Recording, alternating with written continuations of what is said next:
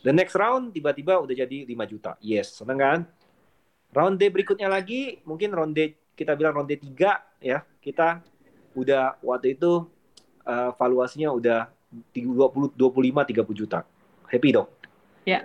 Ya, pertanyaannya bisa keluar nggak? Desa Sosial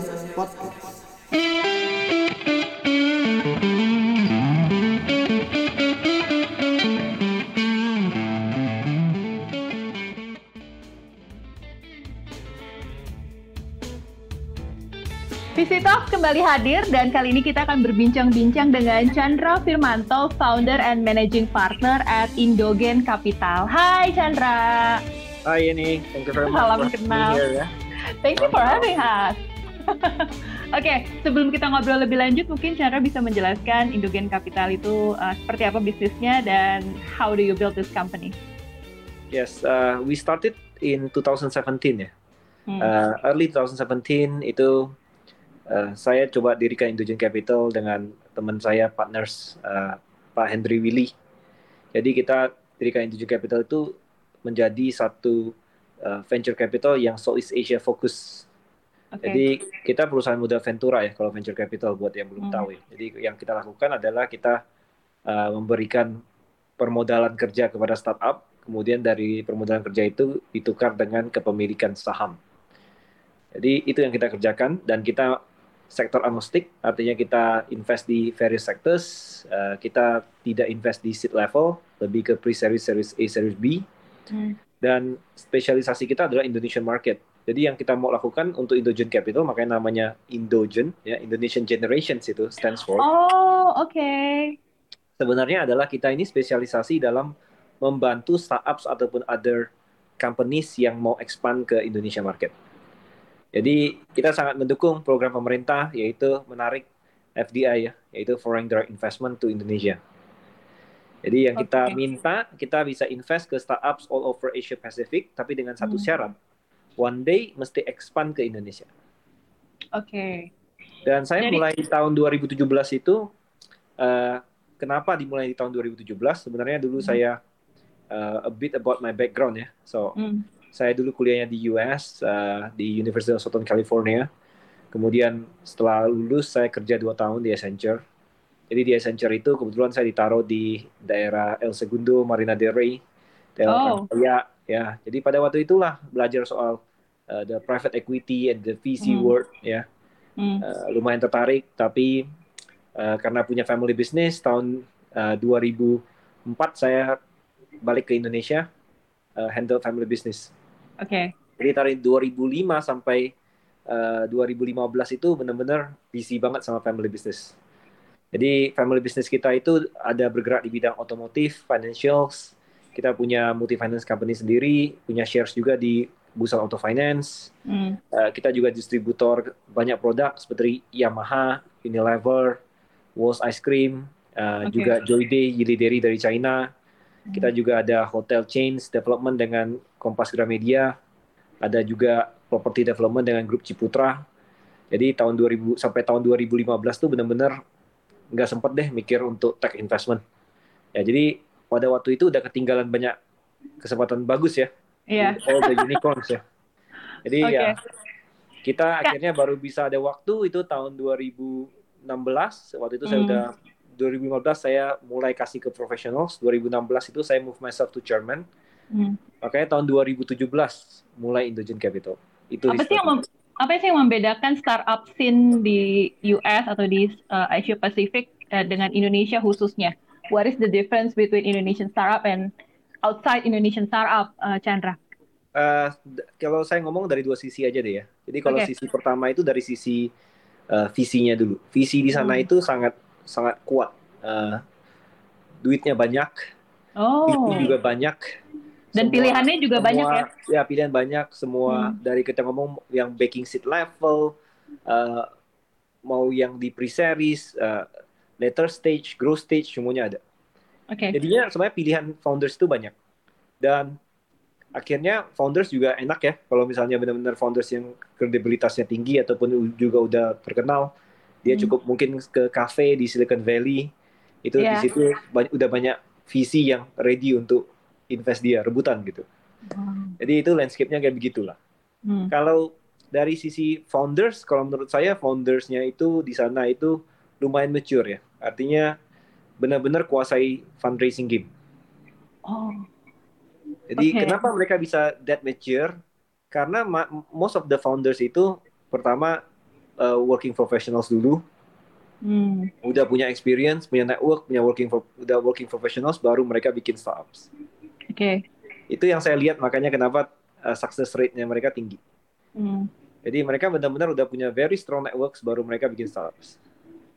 Makanya mereka of- jadinya skillful lah dalam in terms Yeah. of the fundraising game. Oke. In terms of teknologi di Indonesia, uh, where are we sih? Chandra ngelihatnya apakah masih on the bottom of the uh, the line atau sekarang udah middle dibandingkan dengan Well, startup di luar Indonesia? I was there back in 2002 2003 ya. Jadi Oke. ar- around that time kalau banding dengan kita sekarang ya kita nggak kalah ya. Oke. Cuman problemnya kita itu sebenarnya kita memang nggak usah nggak usah compete dengan mereka. We have our own uh, edge lah. Yaitu kita Hmm. have a number of young populations. Uh, average media age kita as a country cuma 29 years old. Kita punya massive populations 275 millions. Hmm. uh, half of Southeast Asia. And Southeast Asia itu is a very interesting market karena uh, growth rate-nya tinggi, ya kan? Oke. Tinggi sekali dan termasuk one of the best in in the entire world. Hmm. Jadi at the end of the days mereka mesti ke sini. It's just a matter Oh. when. Oke. So we don't have to model our game based on them, but Hmm. actually we have our own edge kan untuk kita bisa kita bisa capitalize. Hmm. Jadi kalau menurut saya sebenarnya di Southeast Asia lebih penting itu kita bisa acquire users dan punya unit economics yang oke. Jadi tech Hmm. itu sebenarnya sorry to say secondary. Oh, I see. Apakah eh, hanya very di Indonesia saja atau di Southeast Asia? Southeast ngeliatnya? Kalau saya Oh, lihat oke. Southeast Asia itu sebenarnya lebih, lebih menarik itu kita kalau misalnya kita bisa acquire users, kita bisa eh, benar-benar bisa kalau kita bilang destructive lah to the current systems. Itu lebih Oke. penting daripada tech. Tech itu kita along the way bisa adjust Eh, dengan Right. fundraising game kita bisa along the way kita invest, perbaiki karena the same thing happening to Gojek sama Tokopedia. Ya. mereka always having trouble juga, tapi Yeah. mereka improving seiring dengan dana yang masuk. Bukan kita fokus ke tech dulu, tapi kita akhirnya nggak nggak bisa acquire users secara bagus dan juga Hmm. unit ekonomis kita berantakan. Ya itu beberapa kali saya perhatikan menjadi kesalahan ya. Jadi terlalu Hmm. fokus ke tech sehingga uh, burn rate-nya terlalu tinggi. Oh, oke. Ya. Menarik Ya, sekali ya, Chandra. hati-hati ya. Hmm. Uh, kembali lagi ke portofolio di Indogen nih. What, does- uh, what does it take, uh, it take sih untuk startup bisa mendapatkan funding dari Indogen? Kalau di Indogen kita nggak invest di seed level ya. Jadi kita lebih Oke. ke pre-series uh, series A, series B ya. Series B if Hmm. the valuation still make sense. Uh, reason kita nggak invest di seed level adalah karena uh, failure rate-nya kalau di Southeast Asia itu tinggi banget. Kenapa failure rate-nya bisa tinggi banget? Karena sebenarnya uh, foundersnya tadi saya bilang nggak ready untuk bikin startup saja. Ya. Sebenarnya nggak ready. Yang nggak bikin nggak ready itu misalnya komitmen levelnya dia. Kemudian uh, field-nya atau kalau kita bilang itu uh, industrinya. Industrinya itu memang bukan industri yang hot. Jadi Hmm. industri itu mesti banget diperhatiin ya. Kalau uh, Anda founder, Anda perhatiin banget industri. Hati-hati karena apa yang tidak hot di East Asia ataupun juga di North America itu Hmm. nggak akan duel deh di Indonesia. Karena Oh. aliran duitnya kan dari sana. Ya. Ya, jadi kalau mereka excited about this industry, baru kita mestinya boleh bikin uh, startup di situ. Kan simple aja. Hmm. Ya, karena money trails-nya itu kita mesti follow. Kita mesti lihat. Nah, Indogen ini kita follow money trails.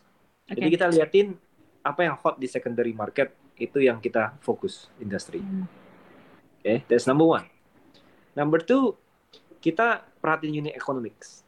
Hmm. Jadi unit economics artinya karena makanya kenapa kita nggak bisa invest di seed level karena kalau di seed level itu unit economicsnya nggak ada, cuma based on nice presentation aja. Wow. Ya, yeah, right? We we Uh-huh. want to achieve this, we want to do that. Tapi semuanya masih dalam on paper kan. Nah, kalau di pre-series biasanya kita minta kita bisa evaluate revenue. Kita bisa lihat bahwa oke, uh, misalnya uh, I go to BCA tapi BCA sudah mau bayar saya artinya oh. there is a there is an accomplishment kan udah dibayar jangan oh I go to BCA BCA is one of my clients but I give for free ya what is the point gitu kan Hmm. Nah ini ini yang mengkhawatirkan. Jadi kita biasanya liatin unit economics-nya dari term Hmm. of burn rate-nya healthy, uh, dia punya uh, kalau kita bilang AR collections juga oke. AR kalau dia nggak tahu itu piutang ya. Jadi piutang Oke. piutangnya oke, bisa di collect. Jadi bukan uh, revenue-nya bagus tapi dalam bentuk piutang. Terus piutangnya nggak bisa di collect ya sama aja. Hmm. So you have to be a good entrepreneurs in terms of managing the business. Uh, your burn rate atau spending mesti expenses mesti low, ya revenue kalau bisa itu kita naik terus dan bisa tunjukin bahwa ada Hmm. growth rate yang oke.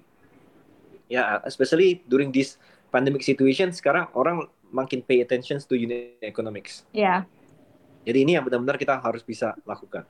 Oke. Nah, kenapa unit economics itu important for us Indogene Capital? Karena kita again follow the money trails. Ya. Kalau the money trails itu require startups kalau mau M&A merger acquisitions itu to be profitable. Nah, kalau mau IPO memang benar kita bisa going to the developmental board nggak nggak profitable. Tapi kalau bisa profitable lebih bagus. Kita tanyain semua konsultan, semua analis juga mengatakan yang sama. Lebih bagus Mhm. kalau bisa profitable. Artinya we try to find startups yang benar-benar bisa uh, kalau kita bilang unit economics-nya itu achieve profitability. Kalau kalau memang itu required ya.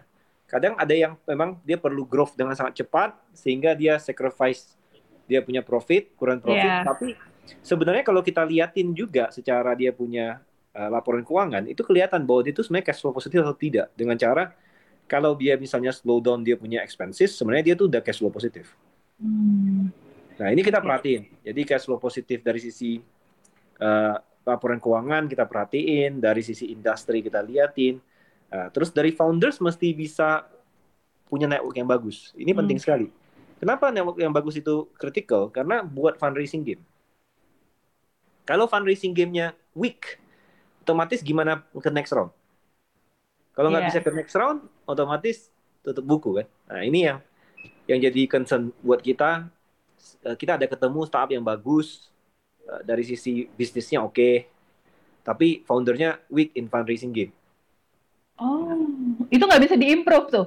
Nggak bisa Sangat di... bisa, sangat bisa. Jadi Oh, oke. ada kesempatan hari ini saya bisa share. Kalau sebenarnya untuk improve uh, fundraising game itu nggak ada beda dengan kita visi improve secondary game. Jadi kalau visi itu penting ada secondary game. Artinya saya sebagai visi saya mesti bisa pada saat dibutuhkan saya bisa jual ownership kepemilikan saya di uh, satu startup ini ke orang lain, Hmm. ya kan? Misalnya saya invest di startup A, valuasinya waktu itu satu juta USD. The next round tiba-tiba udah jadi 5 juta. Yes, seneng kan? Round D berikutnya lagi, mungkin round D kita bilang round D 3 ya. Kita udah waktu itu uh, valuasinya udah 20 25 30 juta. Happy dong? Ya. Ya, pertanyaannya bisa keluar nggak? Nah, mau jual ke siapa? Iya. Jadi sama. Saya juga mesti nyari buyers di East Asia, di Hmm. North America ready yang bakal bisa beli nih kepemilikan ini. Hmm. Nah, kenapa buyer yang di North America sama di East Asia itu bisa tertarik? Karena mereka cuma nyari yang sudah bagus startupnya, yang sudah Oke. stabil. Jadi startup ini punya growth yang masih oke, Hmm. tapi saya sebagai early investorsnya, early bettersnya udah gain yang sangat signifikan, Hmm. Ya kan? Tadi dari satu juta atau mungkin 5 juta jadi 25 juta, good kan? Ya. Sehingga saya apa? Saya bisa mungkin lepas tengah kepemilikan saya. Ya kan? Itu smart smart uh, money management aja. Ya. Saya lepas tengah ke new buyers ini. Nah, ini network ini bagaimana ciptainnya? Jadi saya pakai contoh dari saya. Jadi saya Hmm. mesti ke banyak event. Ke Ya. banyak event, ketemu bener kan? Event, Hmm. ke, ketemu dengan family offices, corporations, uh, VC VC fund tapi mungkin yang yang sifatnya corporate, ya kan? Hmm. sehingga dia mungkin ada strategic uh, value kalau misalnya invest ke startup itu jadi dia juga mau beli kan Hmm. nah, jadi ini yang yang kita mesti kedein sendiri ke event ke acara ke ke uh, seminar, kita juga Hmm. speaking sehingga ada perusahaan yang reach out to kita. Jadi ini juga bisa bisa call call emails, Ya. ke- lewat LinkedIn ya. Jadi kita mesti punya thick face deh intinya Iya. ya, mukanya tebel. Nah, jadi founders itu jangan cuman oh, gue gue startup founders, jadi gue fokus ke startup gue, gue Mm-mm. fokus ke engine gue, salah itu. Dia mesti investorsnya punya network, dia dia tahu semua, dia kenal semua. Hmm, Kalau bisa dia coba broaden the network lagi. Oke, Gimana? Pergi ke banyak event sehingga dia bisa kenal banyak orang. oke. Ya kan? Eh, kita ya harus volunteer lah ke event-eventnya. Kadang-kadang kita lihat ada event pemerintah dan sebagainya. Kita volunteer lah ke sana. Kita bantu. Ya. Jadi ini yang saya bilang founders itu mesti perhatikan jangan cuma urusin startupnya, tapi networknya mereka juga harus digedein terus. Hmm, Dengan begitu, pada waktu eventually dia fundraising itu dia udah ready, dia udah udah siap dulu di depan. Jangan pada waktu mau fundraising baru kalang kabut cari orang. Oh, kebanyakan di Indonesia seperti itu ya Chandra ya. Ketika fundraising, Itu dia fundraising. Tapi kemarin-kemarin- ribut baru. Habis itu yang lucunya fundraisingnya waktunya pendek-pendek gitu, cuma enam bulan di Iya. Nah, jadi panik dong akhirnya. ah, Nah, wah, tips yang Sebenarnya- menarik nih Chandra. sebenarnya mesti setahun minimal. Setahun. Loh. Setahun itu jujur aja pas lah, ngepas. Ya. Oh, Oke. dia bisa bilang ada contoh si A si B sangat cepat dua tiga bulan bisa bisa close. Iya. Hmm. Mereka networknya gimana? Siapa tahu networknya udah kuat sekali dan bagus. Ya, kita jangan pakai mereka sebagai contoh dong. Kita pakai Hmm. yang worst case scenario kan kan namanya juga financial game kita mesti konservatif. Jadi kita Ya. siapkan tahun lah untuk fundraising game.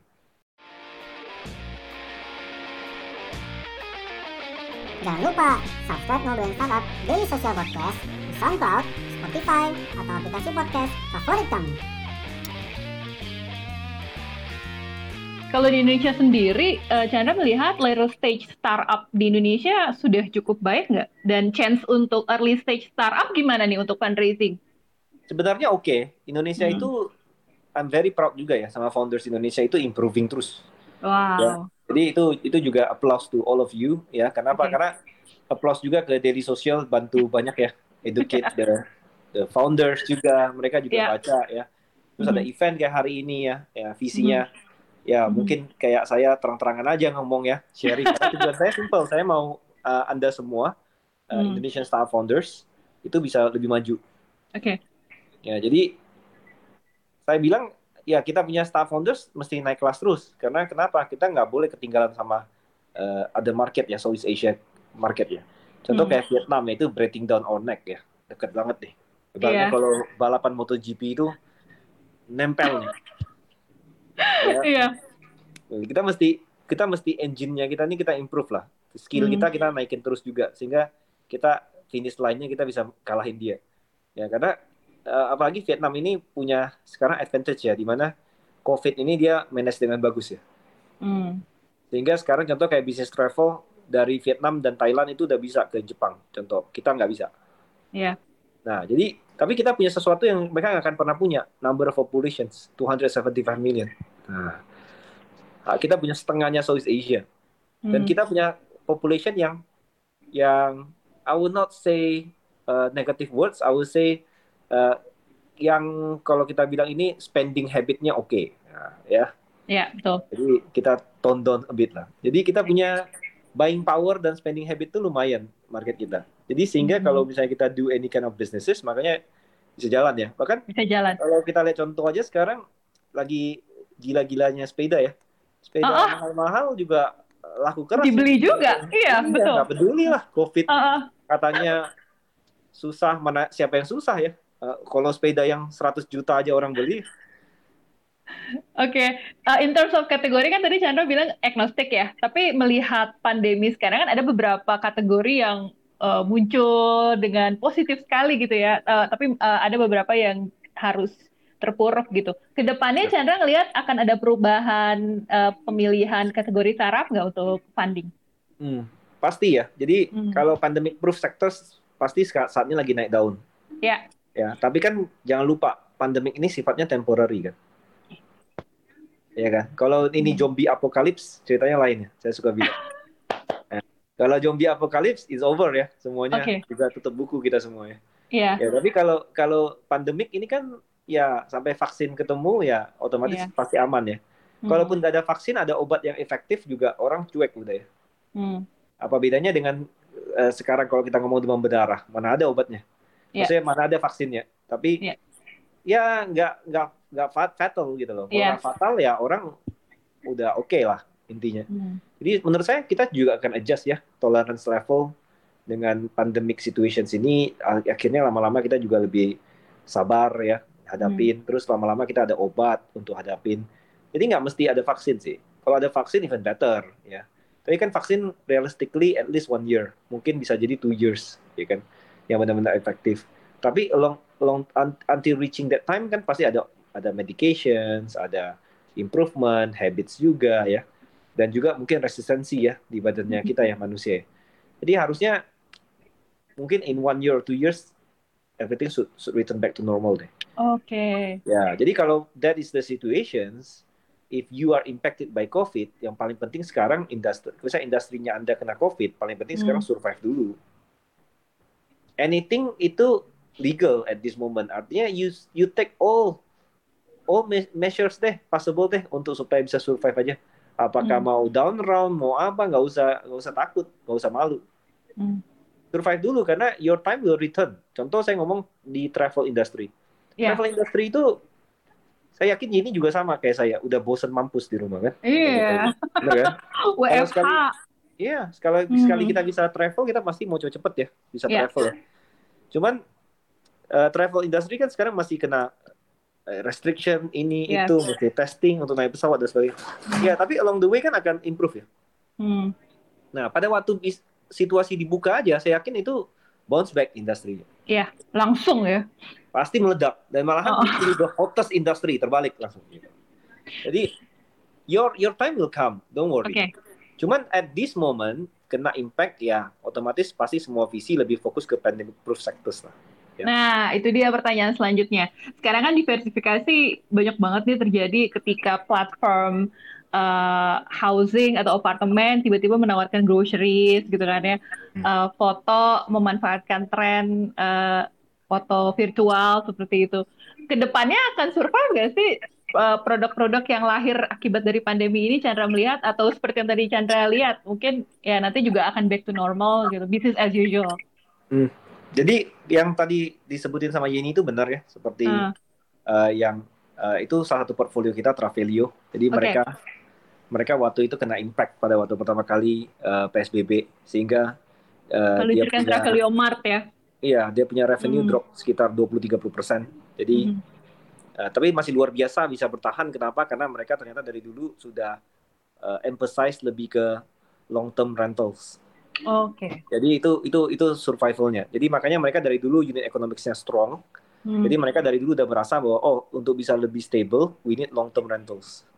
Jadi sekitar 70% dari dia punya rentals itu sebenarnya udah long term rentals. Wow. Makanya mereka oke pada waktu kena hit COVID. Ya. Tapi yang 30% tetap drop, hilang-hilang hilang dan susah kan. Nah, Hmm. setelah itu mereka berpikir, wah, kita mesti adjust nih. Kita mesti adjust, kita mesti coba untuk cari additional revenue streams. Jadi waktu itu kita discuss juga among shareholders, terus we decided on number one itu sebenarnya bukan Travelio Mart dulu, kita disinfectant cleaning. Nah, Oke. jadi waktu itu kita disinfectant cleaning, kita tawarin deep cleaning untuk uh, Untuk owners merchant. owners ownersnya owners Hmm. apartemennya. Jadi owners apartemen mau nggak kita bantuin deep cleaning? Hmm. Ada yang mau, tapi nggak begitu significant tractions Oke. Kita kita go back to the drawing boards lagi, Hmm. ya. Kita go back to the drawing boards, discuss lagi. That's why it's good to have uh, uh, investors yang ngerti bisnis. Kenapa? Karena ya. kita karena kita kasih ide-ide juga. Hmm. Nah, kita maunya cari bisnis yang jangan yang apa aja oke sih. Nomor satu kalau misalnya dia cuma short term bantu revenue oke. Cuman lebih Hmm. bagus sesuatu yang bisa permanen. So Yeah. we go back to the drawing board to see what we have and what we don't have. Hmm. Yang kita punya kan users kan. Kita punya orang yang rentals itu juga harus download apps-nya Travelio. Iya. Ya kan? Pemilik apartemen atau units mesti download juga apps-nya. Jadi number of users kita itu udah growing rapidly the- in the last two years.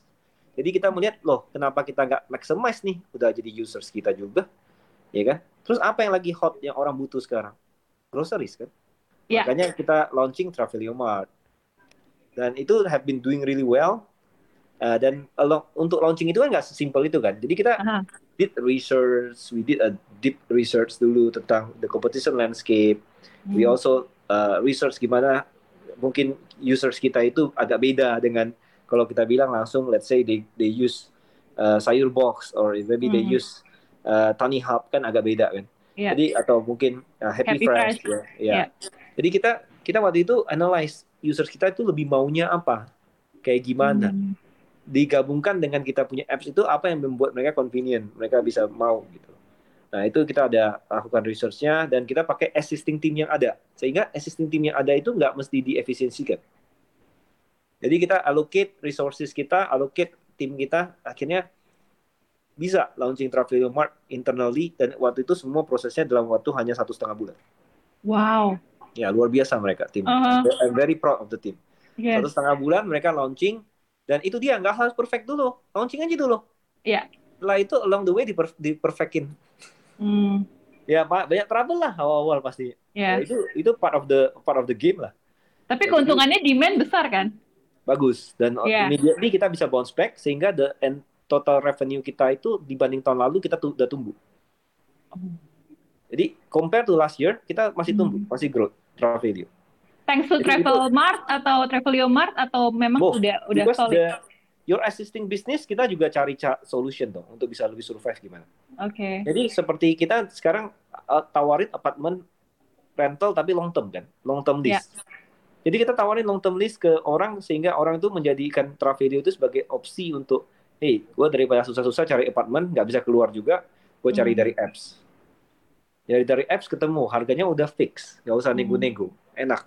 Tinggal saya compare-compare, ini masuk akal, saya pindah jadinya.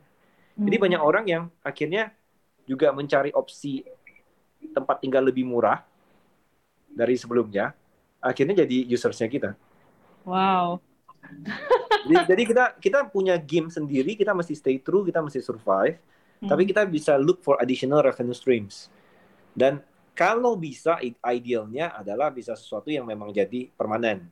ya. Tapi kalau tidak bisa, ya apa pun Jangan dipaksakan. lah. Ya nggak apa-apa, Hmm. oke pada saat ini. Yang penting Anda survive dulu deh. Kalau misalnya Anda kena kena kena efek dari ini ya, dari pandemik ya. Hmm. Kalau Anda nggak kena efek, this is the best time. Mesti di make good usage of it. Jadi Ya. tolong gaspol kalau kita bilang ya. Any kind of service ya. Iya dong. Sekarang Ah. your time gitu loh. Kalau if Iya. you are in the uh, let's say edutech, uh, let's say in the health tech sector, Game. gaming, entertainment, ya ah, nggak bisa lebih bagus dari ini lagi. Cannot be better Betul. than this. So Oke. kalau sekarang aja lu nggak misalnya 7x, 8x, nanti orang akan evaluate juga. Jadi kalau yang yang kena impact nggak usah takut, nggak Hmm. usah fundraising, fokus aja cash flow-nya healthy, uh, revenue-nya pertahankan, sehingga pada waktu begitu situasinya membaik, uh, di mana situation your industry becoming better, Hmm. lu bisa fundraising dan nunjukin bahwa eh even in the worst uh, time saya masih bisa survive. Nah, Ya. investor akan apa? Impress kan? Iya benar juga ya. Oke. Tapi kalau Menarik. misalnya kamu nggak kena impact, Hmm. kamu harus 78x. Kalau kamu tetap 23x, investor akan bilang, "Lah, waktu lu punya waktu yang terbaik aja lu cuma 23x." Iya. Jadi jangan nyaman-nyaman aja ya meskipun tidak terkena impact. Do something gitu kan. Itu something. Oke. Menarik sekali Chandra. Last question, what's next for Indogen? Karena kebanyakan kan saat ini uh, VC uh, menahan nih untuk funding. Kalau Indogen mungkin ada beberapa portofolio baru yang mau di-share atau let's see one uh, to the next two years untuk funding. Ya, What's kita baru kita baru invest di entertainment EVOS ya. Uh, jadi kita itu investment kita yang ke-18. Oke. Kita ada satu lagi yang akan di-announce soon, itu Hmm. ke-19. Wow. Jadi kita actively looking for investment. Kita uh, udah first close kita punya new fund. Jadi Hmm. even during this COVID ya dengan uh, hanya bisa conference calls kita masih bisa close kita punya kita punya first close untuk the new fund Hmm. dan uh, sebenarnya kita bisa total close sih kalau misalnya bisa travel. Tapi saya kena kena uh, halangan yaitu nggak bisa travel. Jadi kebanyakan LPs kita itu di Jepang sehingga saya bagaimanapun Oh. mesti mesti travel untuk bisa close the deal. So. Iya. The second close should be postponed until let's say next year lah. Kan gitu aja realistically. Tapi uh, fortunately kita udah waktu itu udah berhasil first close sehingga kita masih punya powder untuk invest. Don't worry about that. Jadi uh, we look for pre-series A, series A, series B at this moment. Jadi kalau misalnya you fall into that category and then you Hmm. come from the pandemic proof sectors, feel free to reach out to us. Oke. Ke mana nih? Ke email, social media Indogen atau ke mana nih? Yes, uh, you can go to our website www.indogencapital.com. Itu ada email uh, Hmm. info at indogencapital.com. Itu bisa email ke sana. Itu tiap hari kita baca kok. Itu link to all uh, team members punya email. Jadi Oke. nggak bisa nggak baca. Ya, dan kita ada policy yaitu kita mesti balas email semua orang. Jadi Oh, nice. ya kecuali kalau misalnya let's say somebody ya sending some, some junk mail ya kita kita juga pura-pura gak baca lah ya. Oke. Thank you Chandra. Uh, sukses buat Indogen ya. Ditunggu lagi kabar sukses funding ya, barunya. Oke. ya jadi thank you very much ya Dewi Sosial for having me Thank you juga. dan hopefully useful lah for everyone ya Ini Oke. berguna banget sih. Oke, Ya, bye thank you. Chandra. bye have a great day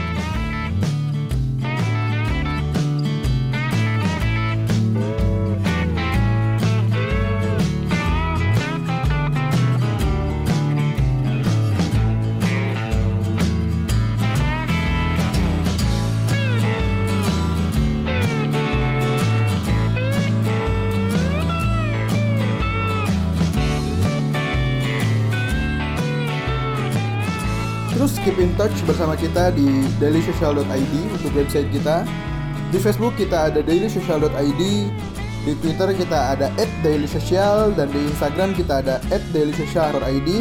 Di LinkedIn kita ada Daily Social dan di YouTube kita ada Daily Social.